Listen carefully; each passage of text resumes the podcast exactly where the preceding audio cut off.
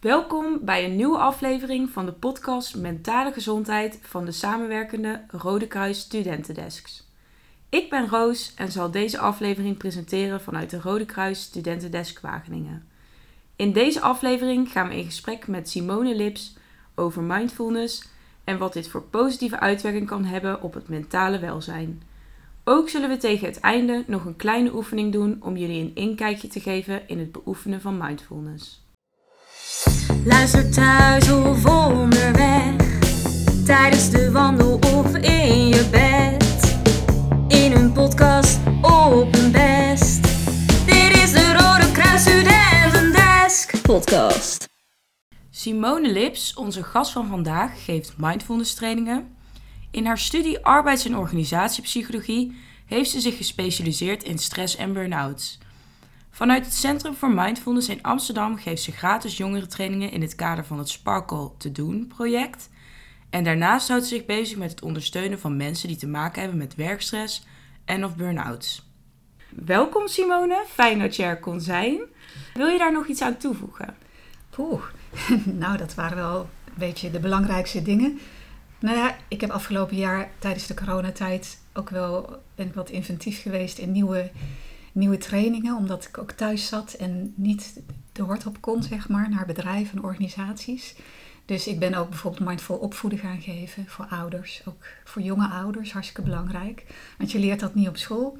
En, eh, en ik ben veel voor jongeren gaan werken omdat ik ook zag wat er gebeurde tijdens de coronatijd. Ja. En dat iedereen thuis zat, eh, alleen op zijn kamer vaak. En dat thuisonderwijs. En dat dat nog helemaal niet zo goed ging. Dus ja, het is een soort nieuwe eh, passie van me geworden. Ja, want je bent dus begonnen met arbeids- en organisatiepsychologie. Of dat heb je gestudeerd in Nijmegen. Klopt. En daarna ben je de opleiding tot gecertificeerd mindfulness docent gaan volgen.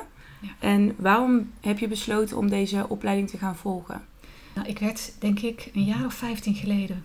werd ik eh, in het bos hier bij Nijmegen gestoken door een teek. En ik heb de ziekte van Lyme gekregen. Mhm. En daardoor kon ik eigenlijk van het ene moment op het andere ja, niet meer werken. En heb ik echt wel anderhalf tot twee jaar thuis gezeten. Nou, dat was niet fijn, ik was het ook helemaal niet gewend om ziek te zijn. En ik voelde me heel erg beperkt. En ik ging heel erg piekeren van, jeetje, komt het ooit nog wel goed? En ehm, ik werd er ook somber van. En ik was veel alleen thuis. En eh, ja, toen dacht ik, ik moet iets doen, want dit gaat niet goed. Ik heb ook twee kinderen. En nou ja, ik wilde ook gewoon een leuke moeder blijven, ondanks alles. Toen ben ik mindfulness gaan volgen. Was een van de eerste mindfulness trainingen die gegeven werd in Nijmegen. Mhm. En eh, zo kwam ik daarmee in aanraking. En ik was daar zo enthousiast over, omdat het me zoveel bracht. Dat ik eh, na afloop dacht, nou, dit moet iedereen leren. En ik dacht, nou, als ik beter word, en dat is zo gegaan, dan ga ik de opleiding volgen tot eh, mindfulness trainer. Heel fijn dat het nu weer beter gaat en dat je je weer beter voelt. Ook wel iets heel moois misschien dat je op deze manier mindfulness hebt leren kennen en daardoor ook mindfulness docent bent geworden. Hoe zou je aan de luisteraars uitleggen wat mindfulness precies is? Mindfulness is, wat mij betreft, de kunst van het helemaal met je aandacht in het hier en nu aanwezig zijn.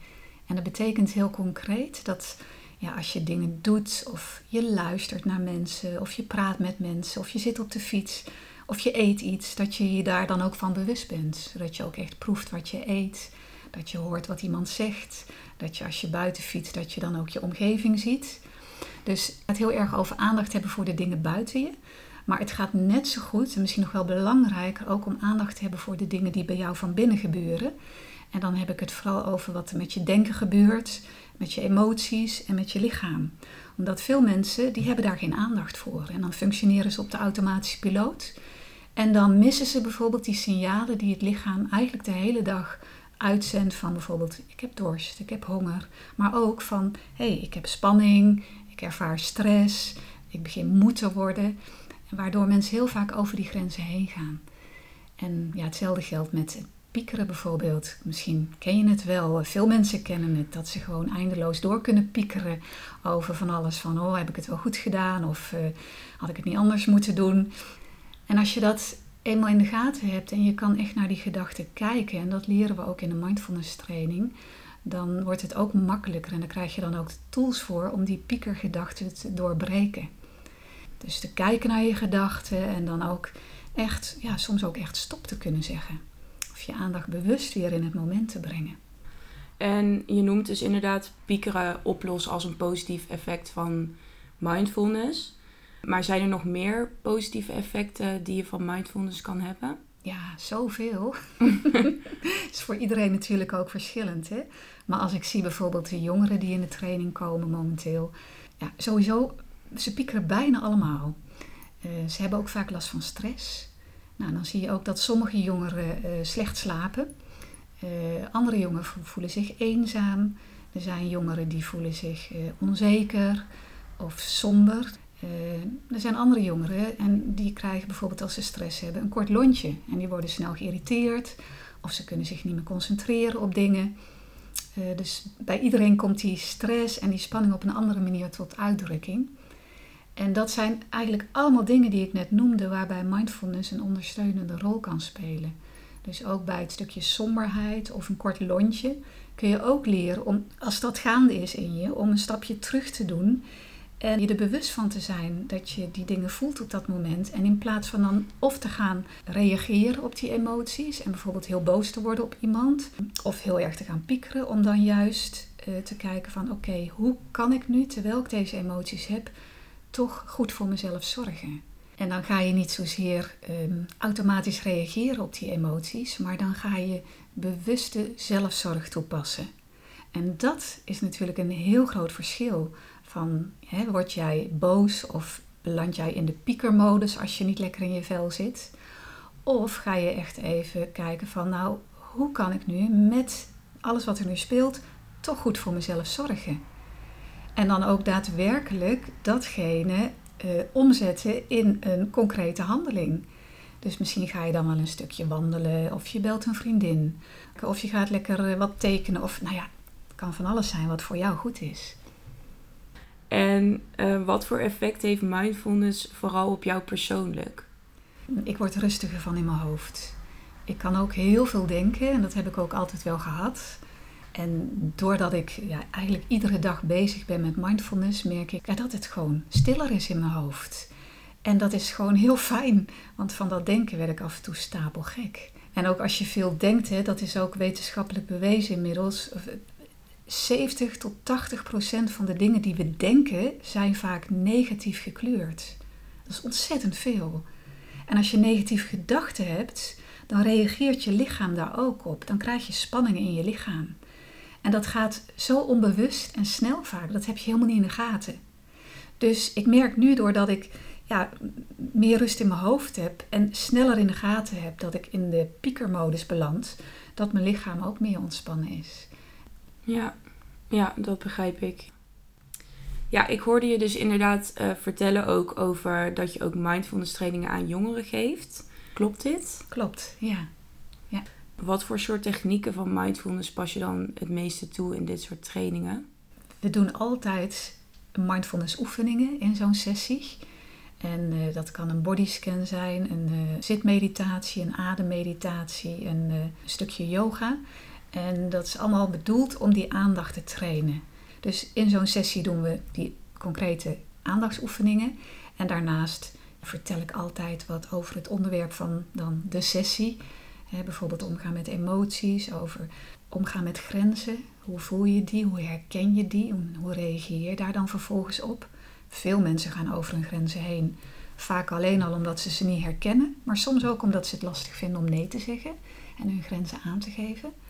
Nou ja, dat zijn dus onderwerpen die aan bod kunnen komen. Zelfzorg, zelfcompassie, stevigheid in jezelf ontwikkelen. Ja, heel sumier een beetje hoor, van wat we dan in zo'n sessie allemaal doen. Ja, dus eigenlijk kort gezegd hoe zo'n training er dan eigenlijk uitziet. Ja, ja. ja. en in de coaching sessies, omdat die individueel zijn, gaan we veel meer de diepte in. Dan komen mensen vaak met een hele concrete vraag. Bijvoorbeeld, uh, ik heb veel stress op mijn werk in dat en dat soort situaties. Of uh, kan niet slapen. En dan gaan we echt uitvogelen samen ja, hoe dat nou zit en wat mindfulness daarbij kan betekenen. Ja, dus het is ook eigenlijk heel verschillend per mindfulness sessie of training, uh, hoe ze dat dan toe kunnen passen in het dagelijks leven. Hoe zit dat precies? Ja, goede vraag. Nou ja, je krijgt in zo'n training per sessie krijg je bepaalde oefeningen mee om in die week tussen de twee sessies in thuis om daarmee te oefenen. En dat is de ene keer dus een bodyscan en de andere keer is het een, een, een zitmeditatie. Dus daar krijg je hele gerichte opdrachten, zodat je die oefeningen ook leert kennen. En dan zie je vaak dat mensen voorkeuren krijgen. Bijvoorbeeld dagelijks de yoga-oefeningen blijven doen, of dat ze dagelijks een bodyscan doen of een zitmeditatie. En dat is dus heel persoonlijk. En je zegt inderdaad op het begin al dat je ook training geeft aan jongeren.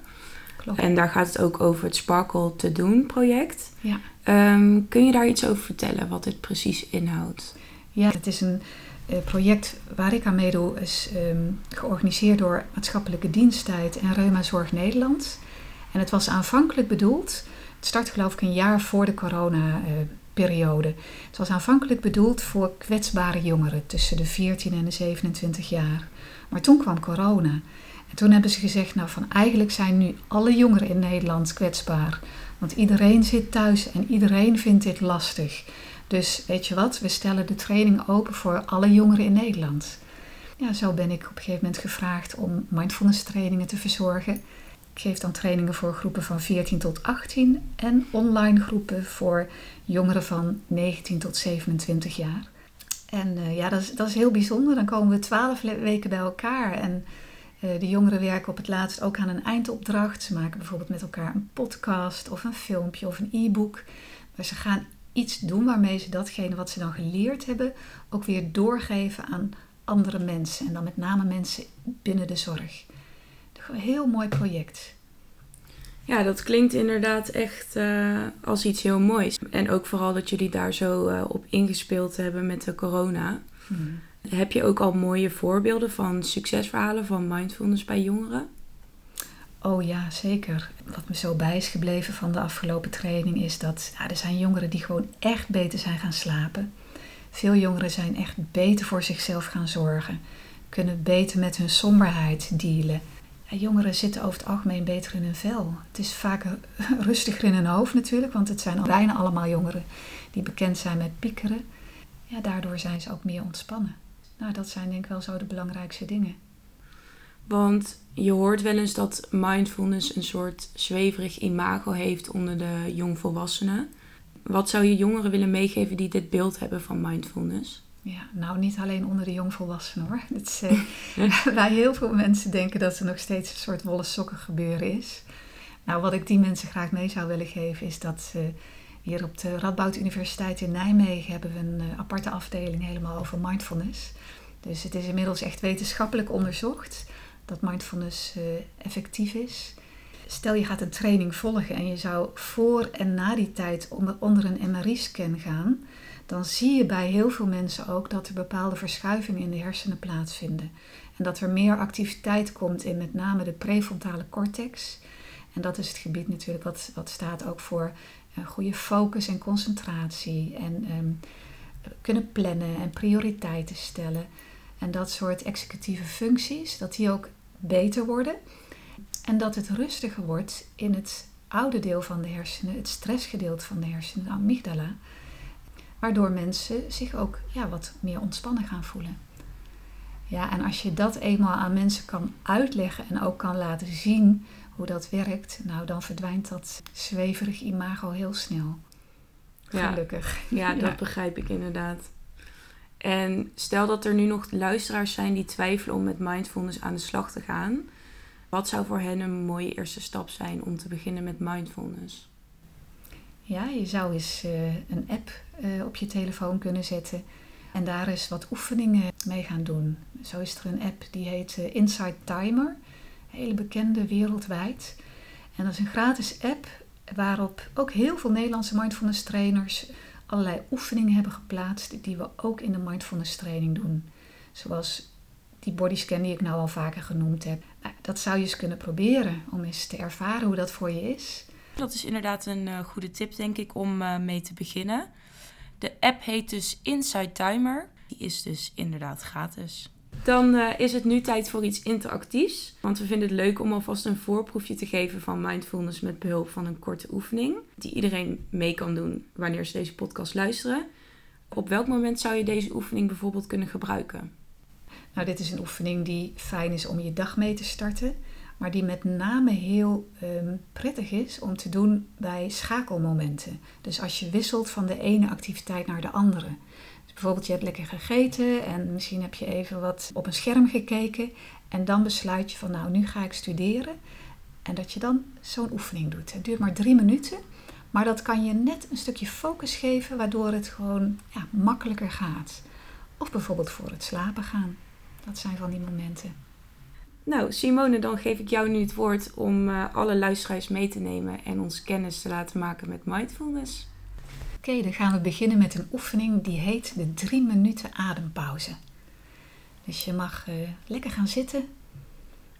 Je mag je ogen sluiten. Zorg dat je rug recht is. En voel maar even waar je lichaam de ondergrond raakt. Misschien de zitting van de stoel voelen. En de vloer onder je voeten. Nou, misschien voel je ook je rug tegen de leuning van de stoel. En je handen op je bovenbenen. En zo even ervaren dat je zit. En dan kun je nu eens opmerken hoe, het, ja, hoe je erbij zit op dit moment. En dan kun je zo eens kijken naar de gedachtenstroom van dit moment. En kijken wat voor gedachten er op dit moment in jouw hoofd voorbij komen.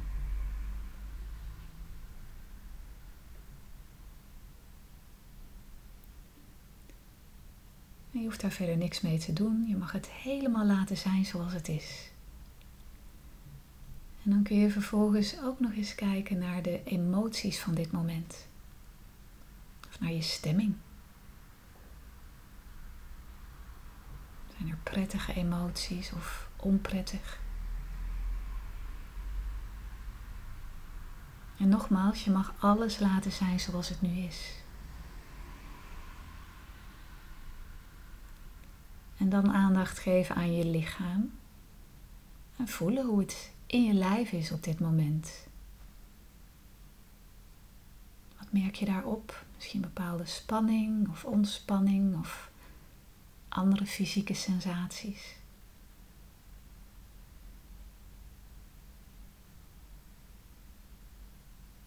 Nou, en dan kun je alles laten zijn zoals het nu is. En dan mag je de aandacht verplaatsen naar de ademhaling.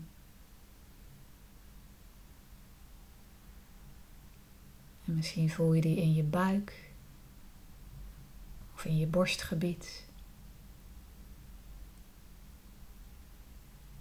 Dat je zo het op en neer gaan voelt van je buikwand of je borstkas.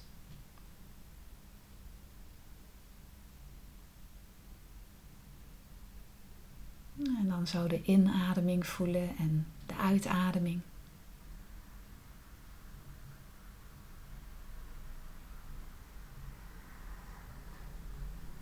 En dan mag je van hieruit je aandacht uitbreiden naar het hele lichaam.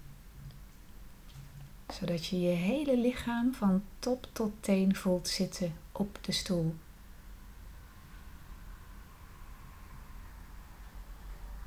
En dat je ook de ademhaling voelt in je lichaam. Dus dan is de aandacht bij je hele ademende lichaam.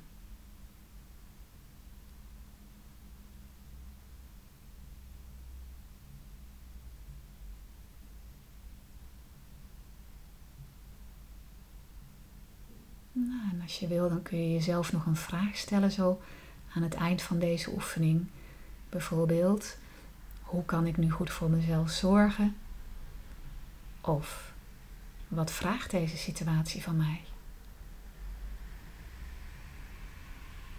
En misschien komt er een antwoord in je op.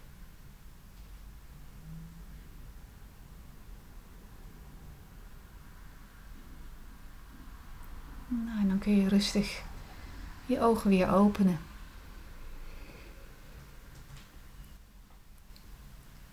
En dan is dat het einde van deze oefening. Dan ben ik eigenlijk wel benieuwd hoe het voor je was om dit te doen. Ja, ik vond het heel fijn. Ik denk dat ik weer rustig uh, verder kan gaan met de podcast.